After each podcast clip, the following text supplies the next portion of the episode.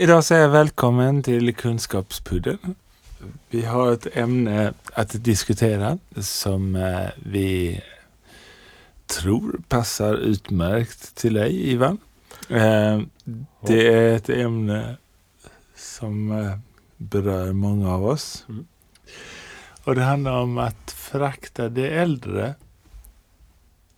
Har du någonting att säga om detta förakt kring äldre människor som eh, råder i dagens samhälle? Eh, vad finns det för fördelar och nackdelar med det här föraktet till exempel? Eh, fördelarna är helt klart att vi yngre eh, känner oss bättre. Eh, det är ju en eh, så att säga klassiker i eh, samhällsstrukturer, sociala strukturer, eh, klassfrågor. Vilket är bra. Eh, vi ska eh, göra vad vi kan för att känna oss bra och då behöver vi eh, någonting att eh, spegla oss i eller eh, ja, en motpol. Är det någonting du kan säga som nackdel med att förakta de äldre? Nej, egentligen inte. Det är överskattat, alltså den negativa effekten av förakt på den som är objektet för föraktet, den är överskattad. Man, man, man vänjer sig så att säga. Vi människor är oerhört anpassningsbara. Eh, så att mm, blir man utsatt för ett visst för, förakt eh, gång på gång så vänjer man sig. Och eh, man, man tar liksom inte någon direkt skada av det då. Dessutom om man bara liksom sitter på ett hem så där så har det inte så stor betydelse om någon föraktar en för att man sitter ju bara där ändå liksom. Man kanske spelar schack, äter lite kakor så. Eh, det Men är- viktiga är ju ändå att det som är eh, vitala och eh, bidrar produktivt eh, till, till samhällsfunktionerna eh, har eh, liksom eh, bränsle. Eh, kan man till och med säga det så att, att detta föraktet ger bränsle till de, produktiva eh, personerna i samhället? Det vill säga de som är kanske mellan 65 och 20 år. Det var exakt det jag sa nyss, alltså, men det, det är bra att du fattar det i Ja. alla fall. Ja, Jag ville bara förtydliga för våra lyssnare. Så att eh, genom föraktet så, så kan vi få kraft. Ja, eller jag skulle snarare vilja säga att man behöver inte säga det som att genom föraktet får vi kraft. Som att det skulle vara bara det som ger kraft. Men jag tycker mer man ska säga det som att ja, men det gör kanske inte så mycket om man föraktar någon lite. Eh, och så, för att den är gammal eller något sånt. Eh, det, det kan vara att de är annorlunda på något annat sätt också.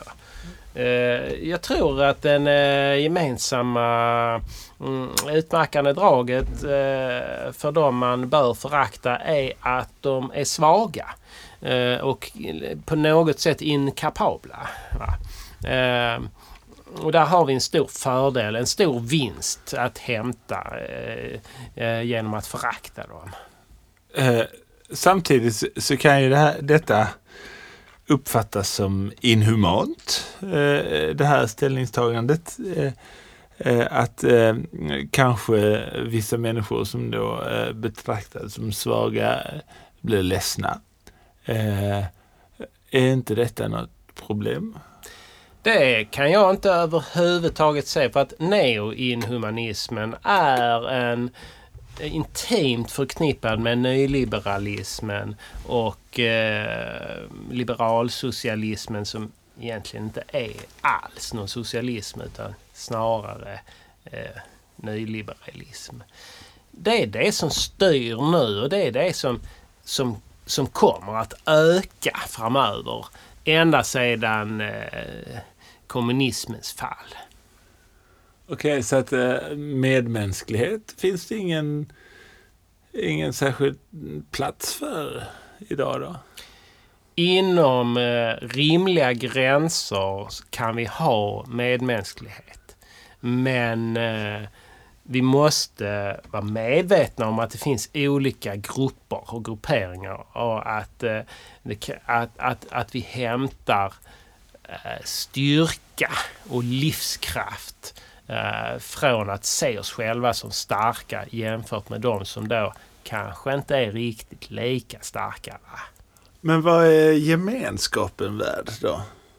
Mellan de som är starka? Eh, den är oerhört mycket värd. Det är ju vi... Det som är utmärkande för människan är ju förmågan till vi-känsla. Eh, och eh, viet inom gruppen är det som gör oss starka, eh, kan man säga. Det är oerhört mänskligt och fint att känna gemenskap. Då tackar jag så hemskt mycket för denna gemenskaps... Eh, gemenskapsöppnande insikten som vi har fått. Eh, Detta är humanistiska tal. Ja, Jag är humanism. Jag tror på människan. Alltså. Tack så mycket.